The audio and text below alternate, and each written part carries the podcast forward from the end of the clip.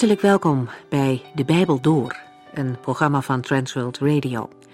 De Bijbel Door is een radioserie die u in vijf jaar meeneemt door de hele Bijbel. Van Genesis 1 tot Openbaring 22.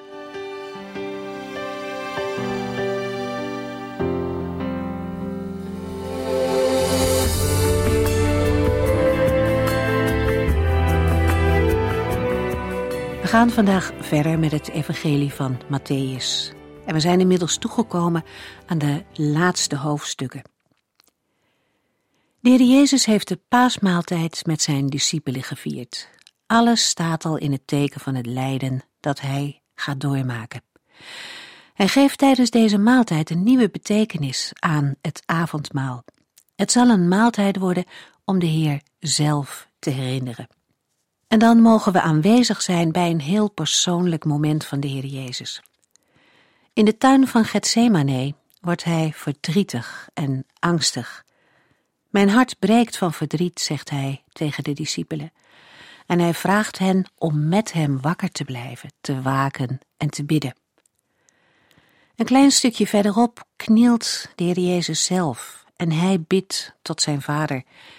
Hij vraagt of er een andere weg is, zodat dit lijden aan hem voorbij mag gaan. Maar, voegt hij eraan toe, laat uw wil gebeuren. Voor de Heer Jezus was de wil van God bekend. Er was over gesproken, en toch zien we ook bij hem een worsteling, nu het zover is. Als hij bij de discipelen terugkomt, dan vindt hij ze in slaap. Degenen die hem het meest nastonden, konden het niet opbrengen om samen met hem te waken en te strijden in gebed. Ze wilden het wel. En na het eten hadden ze het er ook nog over gehad. De Heer kondigde aan dat ze hem nog diezelfde nacht in de steek zouden laten als hij gevangen zou worden. Maar niemand wilde dat geloven. Petrus wordt dan met name genoemd als degene die zal zeggen dat hij de Heer Jezus niet kent. De Heere kent ze beter dan zij zichzelf kennen. De geest is wel gewillig, maar het lichaam is zwak, zegt hij tegen Petrus in Gethsemane. En dan komt Judas, een van de mannen die eens bij Jezus hoorde. Hij heeft een grote groep overpriesters en leiders van het volk bij zich, en met een kus verraadt hij Jezus aan hen. Notabene, een kus, het symbool van liefde en vriendschap, hier wordt het misbruikt voor verraad. Juist van een vriend komt dat hard aan. En de Heer moet het allemaal incasseren. Judas was een van zijn mannen geweest. Ze trokken samen op, hadden met elkaar van alles meegemaakt.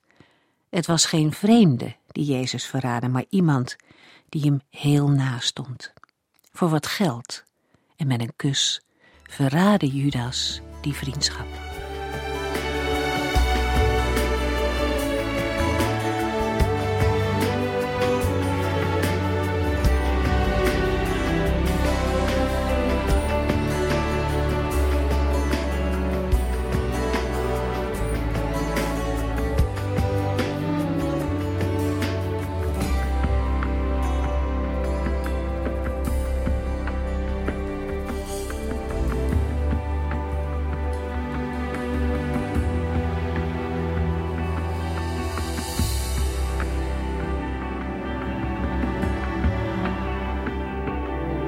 Het belangrijkste van het evangelie is het lijden, sterven en de opstanding van de Jezus. De apostel Paulus schrijft aan de gemeente van Christus in Korinthe: Het belangrijkste van het goede nieuws dat ik heb ontvangen en u heb doorgegeven is dit: Christus is voor onze zonden gestorven, zoals voorzegd in de boeken. 1 Korinthe 15 vers 3. Met de bespreking van Matthäus 27 komen we bij wat is opgeschreven over Christus is voor onze zonden gestorven. We zullen ontdekken dat Matthäus de kruisiging zelf niet beschrijft. Dat doet geen enkele evangelist in het Nieuwe Testament. Zij vertellen meer wat er rondom de kruisiging gebeurde.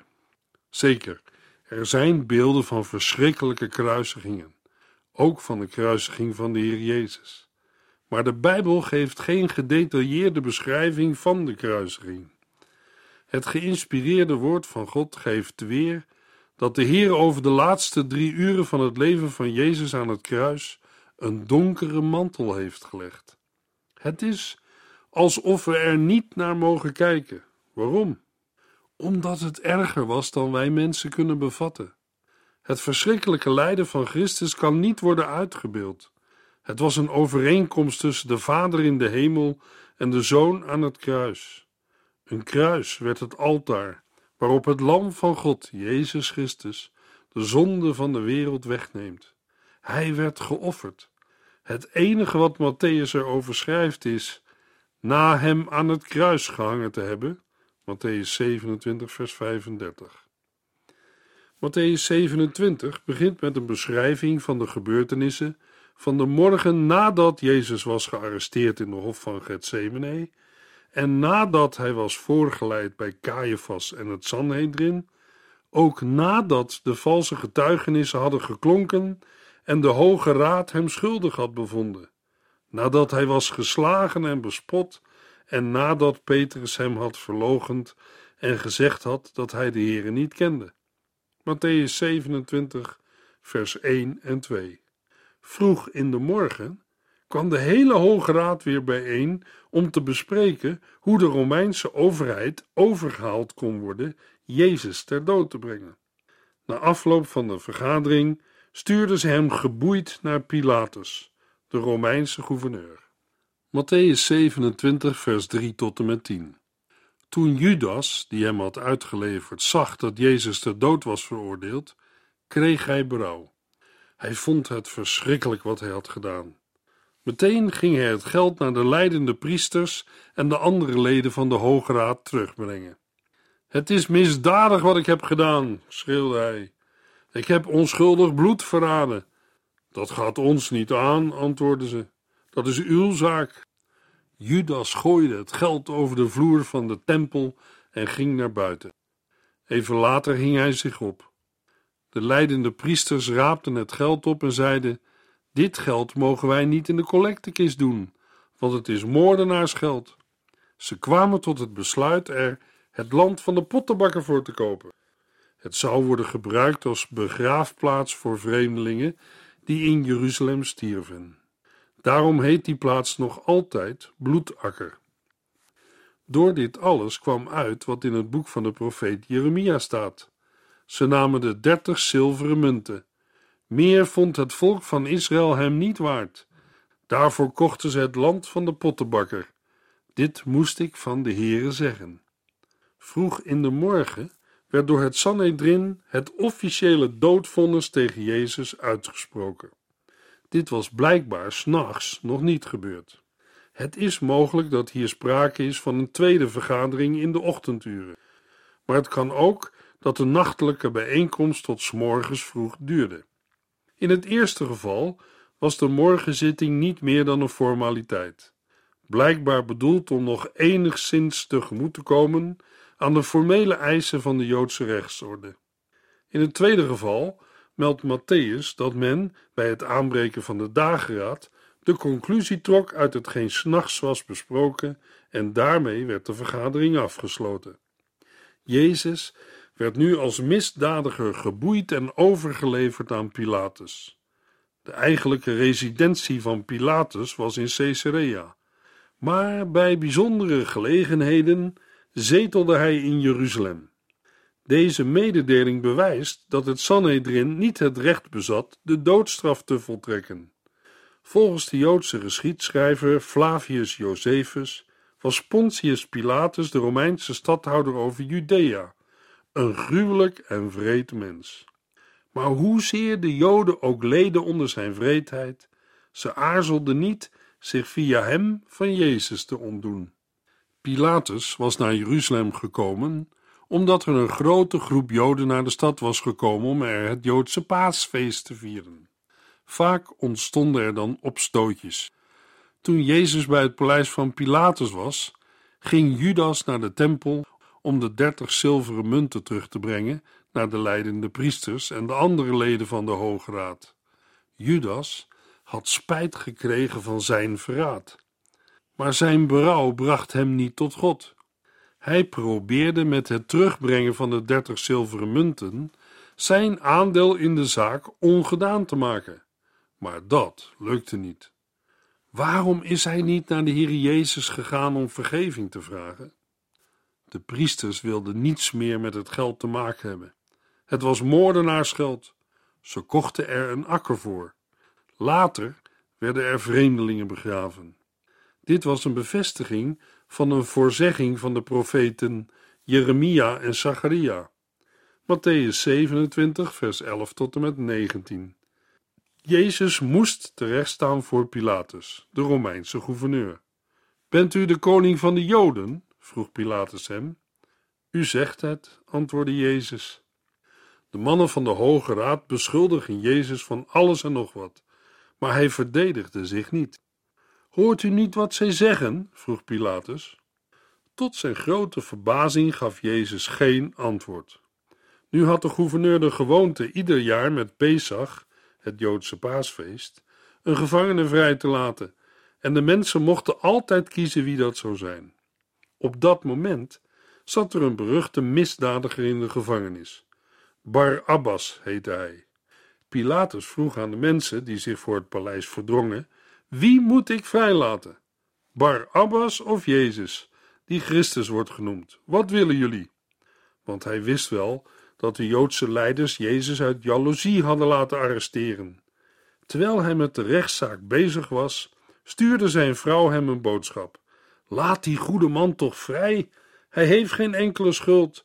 Ik heb vannacht in een droom vreselijk veel verdriet om hem gehad. De geestelijke leiders probeerden van Jezus af te komen.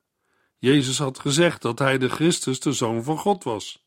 En verder dat zij de mensenzoon aan de rechterhand van God zouden zien zitten en dat hij zou terugkomen op de wolken van de hemel. Matthäus 26, vers 64. Naar Joodse maatstaven zou de Heer Jezus gestenigd moeten worden. Maar de Romeinen wilden de Joden niet toestaan hem te doden. Daarom moest de Hoge Raad hem overleveren aan Pilatus, met een beschuldiging die voor een Romeinse rechtbank belastend zou zijn. Vandaar de vraag van Pilatus: Bent u de koning van de Joden?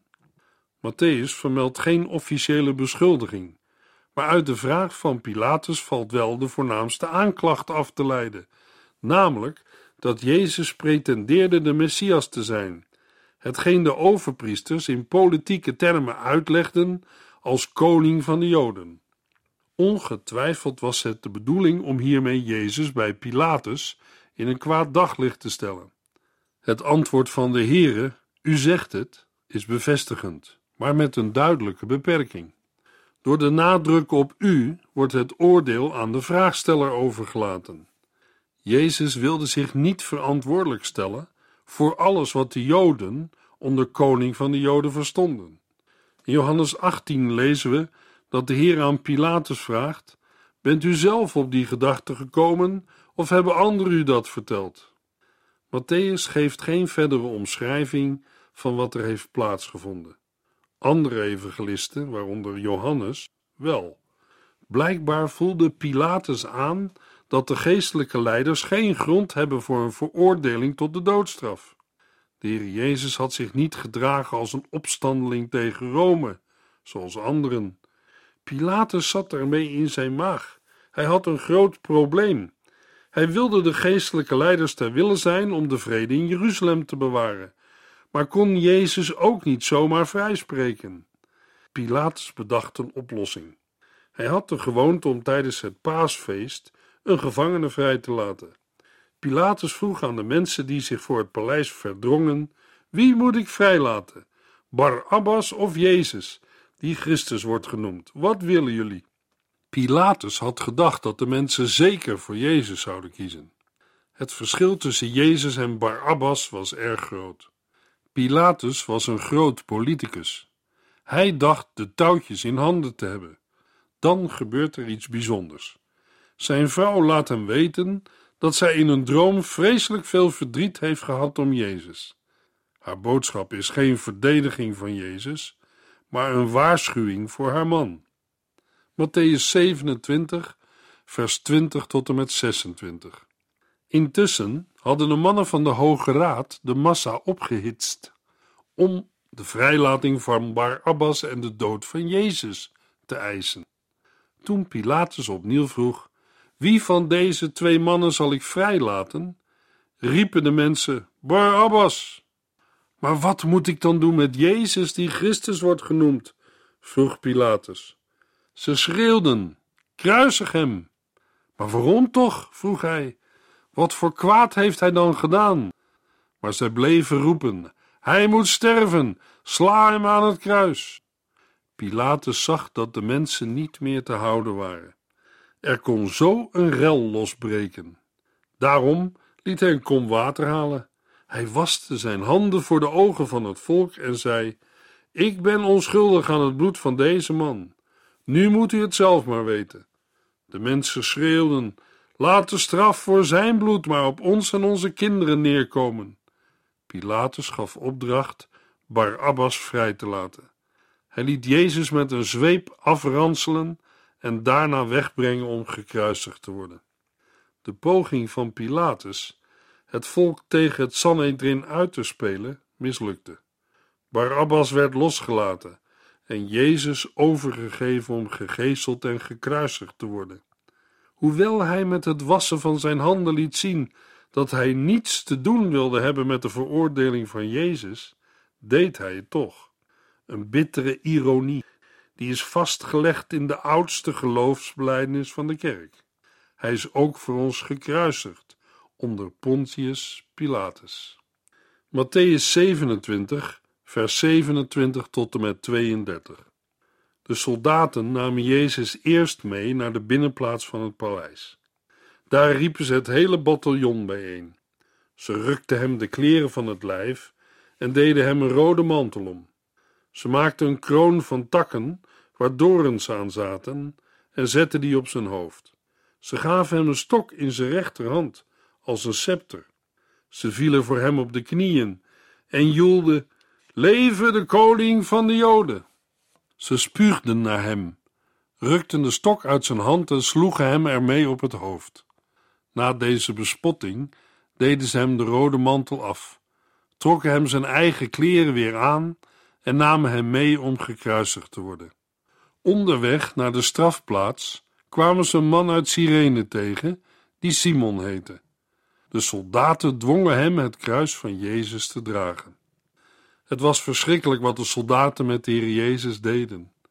Van begin tot het eind was het de bedoeling het koningschap van Jezus bespottelijk te maken. De spotternij bereikte met het spugen een hoogtepunt en ging met het slaan met de rietstok op het hoofd over in mishandeling. Na deze bespotting deden ze hem de rode mantel af, trokken hem zijn eigen kleren weer aan en namen hem mee om gekruisigd te worden. Het was gebruikelijk dat de veroordeelde zelf zijn kruis, dat wil zeggen het dwarshout, droeg. Dit heeft Jezus ook gedaan. Maar toen de soldaten zagen dat zijn krachten niet toereikend waren, droegen zij een zekere Simon uit Cyrene op de dwarsbalk te dragen. Simon kwam uit Cyrene, een plaats in Noord-Afrika, waar veel Joden woonden. Hij zal in Jeruzalem zijn geweest in verband met het paasfeest. Uit het feit dat Matthäus zijn naam en geboorteplaats noemt, blijkt dat zijn persoon bekend is gebleven. Matthäus 27, vers 33 tot en met 50. Zo kwamen zij bij de heuvel Golgotha, dat betekent schedelplaats. De soldaten gaven Jezus wijn met een pijnstillend middel erin. Maar toen hij ervan proefde, wilde hij het niet drinken. Na hem aan het kruis gehangen te hebben, verdeelden de soldaten zijn kleren onder elkaar door erom te dobbelen. Daarna gingen ze zitten en hielden de wacht. Boven zijn hoofd hingen ze een bordje met de beschuldiging die luidde: Dit is Jezus, de koning van de Joden.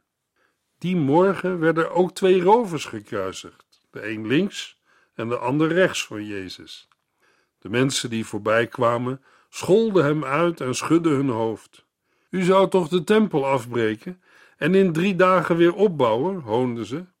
Als u de zoon van God bent, red u zelf. Kom van het kruis af. De mannen van de Hoge Raad lieten zich ook niet onbetuigd. Hij heeft anderen gered, spotten ze, maar hij kan zichzelf niet eens redden. U bent toch de koning van Israël? Kom eens van het kruis af, dan zullen we in u geloven. Hij vertrouwde toch op God. Als God zoveel met hem op heeft, laat die hem dan komen redden. Hij is immers Gods zoon. Zelfs de rovers die met hem waren gekruisigd, bespotten hem. Van twaalf tot drie uur hing er een dichte duisternis over het hele land. Om ongeveer drie uur riep Jezus: Eli, Eli, lama sabachthani. Dat betekent: Mijn God, mijn God, waarom hebt u mij verlaten? Sommige van de mensen die daar stonden hadden het niet goed verstaan. Zij dachten dat hij om Elia riep. Een van hen haalde vlug een spons, liet er zure wijn intrekken en stak die op een stok. Hij hield die omhoog en liet Jezus ervan drinken. Maar de anderen zeiden: Wacht, laten we eens zien of Elia hem komt redden. Opnieuw gaf Jezus een luide schreeuw en hij stierf. Tegelijk met Jezus werden twee rovers gekruisigd. Het waren waarschijnlijk roofmoordenaars of struikrovers. Lucas spreekt over misdadigers. De twee rovers werden samen met hem weggevoerd en gekruisigd. Hoewel we moeten aannemen dat het terechtstellen van nog twee misdadigers voor de Romeinen toeval is geweest, is het geheel een treffende vervulling van Jesaja 53 vers 12. Hij werd beschouwd als een misdadiger. Jezus werd in zijn kruisiging gerekend tot het uitvaagsel van de maatschappij. Na de bovengenoemde acties van de soldaten gaat Matthäus er nu toe over om de reacties van drie groepen mensen weer te geven, namelijk van de voorbijgangers in vers 39 en 40, van de leiders van het volk in vers 41 tot en met 43 en van de rovers, vers 44. De spot van de omstanders was gelijk aan de beschuldiging van het Sanhedrin. Blijkbaar had deze aanklacht zich onder het volk verspreid, of is bewust verspreid. Het spotten over het zoonschap van God herinnert ons ook aan het verhoor van Jezus voor het Sanhedrin, Matthäus 26, vers 63. In deze spot vinden we opnieuw een vervulling van de profetie, namelijk van Psalm 22, vers 9. Maar het is, net als bij de verzoeking in de woestijn, ook een directe verzoeking voor Jezus. Satan probeerde zelfs in de laatste uren van het leven van Jezus hem tot ongehoorzaamheid te brengen. Ongehoorzaam aan zijn roeping om als knecht des Heren te lijden ter wille van het volk. Jesaja 53. Satan spreekt Jezus aan op zijn macht. Na de spot van de soldaten, in vers 28 tot en met 30, en het volk, vers 39 en 40, nu ook die van de leiders van het volk, namelijk de vertegenwoordigers van de drie groepen die deel uitmaakten van de Hoge Raad. Het was echter beneden hun waardigheid Jezus nog rechtstreeks aan te spreken, en daarom spraken zij in de derde persoon. Hij heeft anderen gered, spotten ze, maar hij kan zichzelf niet eens redden. U bent toch de koning van Israël? Kom eens van het kruis af, dan zullen we in u geloven. Als laatste sloten zich nu zelfs de twee roofmoordenaars, die met Jezus gekruisigd waren, aan in de rij van de spotters. Hoon en spot kwamen van bijna alle kanten: soldaten, het meegekomen volk, hoge priesters, schriftgeleerden, oudsten en de twee misdadigers. De houding van een van de rovers veranderde echter kort daarna. Het verslag van zijn bijzondere bekering lezen we in Lucas 23, vers 39 tot en met 43. Van het zesde tot het negende uur betekende in de Joodse dagindeling van 12 uur tot 3 uur. De zonsverduistering, Lucas 23, vers 45, die drie uur duurde, moest een bijzondere ingreep van God in de natuurgebeuren zijn geweest en geen gewone zonsverduistering. Het Joodse paasfeest werd immers gevierd als het volle maan was. De duisternis wordt in het Oude Testament genoemd als een teken van Gods toorn en een voorteken van de dag des Heren. Zo zien we dat deze drie uur durende duisternis een zichtbaar teken is geweest van het oordeel dat Jezus plaatsvervangend op zich nam. Verder is het een getuigenis van de betekenis van het lijden en sterven van Jezus in de toekomst. Daarover lezen we meer in Matthäus 27, vers 52. Met het kruis van Jezus Christus is het laatste der dagen aangebroken. Handelingen 2, vers 16 en 17. Op het dieptepunt van de weg die hij moest gaan, drukte Jezus zijn leed uit met de beginwoorden van Psalm 22. Het was geen uitroep van wanhoop, maar het waren de woorden van iemand die rechtvaardig leed en toch vertrouwde op de bescherming van God en verlossing verwachtte, de vervulling van een profetische psalm. Geen opstand of wanhoop bij Jezus in deze laatste ogenblikken, wel gehoorzaamheid aan zijn roeping. Jesaja 53 vers 10. De plannen van de spotters konden het plan van God niet veranderen. Jezus ging nu sterven. Hij gaf de geest, betekent hij blies de laatste adem uit en benadrukt de vrijwillige daad van zijn sterven. Het uitblazen van de levensadem ging gepaard met een luide roep. Het is de tweede en laatste keer dat Matthäus melding maakt van een spreken van Jezus aan het kruis. Lucas vertelt in Lucas 23, vers 46 wat Jezus riep: Vader, in uw handen beveel ik mijn geest. Johannes geeft in Johannes 19, vers 30 nog een tweede woord dat de Heer heeft gesproken: Het is volbracht. Jezus' opdracht, die hij van de Vader ontvangen had, was ten einde. In zijn sterven voltooide hij het belangrijkste onderdeel van zijn roeping, namelijk zijn leven te geven als losprijs voor velen. Matthäus 20, vers 28. Vandaag is het evangelie dit woord van de Heer Jezus Christus. Ook voor u, luisteraar. Ik ben gekomen om te dienen en mijn leven te geven als losgeld voor vele mensen. Mag u daar al bij horen? Bij die vele mensen? In de volgende uitzending gaan we verder met de gebeurtenissen die na het sterven van de Heer Jezus gebeurden.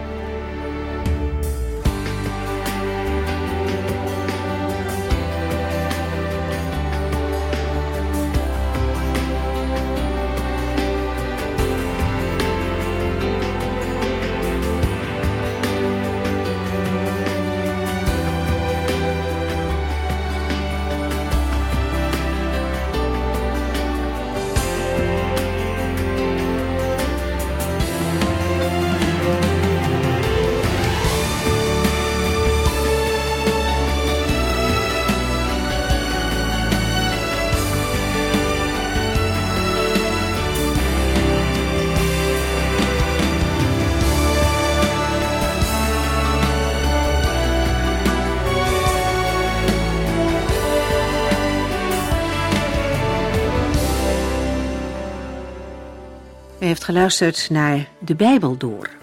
In het Nederlands vertaald en bewerkt door Transworld Radio. Een programma waarin we in vijf jaar tijd de hele Bijbel doorgaan. Als u wilt reageren op deze uitzending of u heeft vragen, dan kunt u contact met ons opnemen. Tijdens kantooruren kunt u bellen op 0342 47 8432. 0342 47 8432.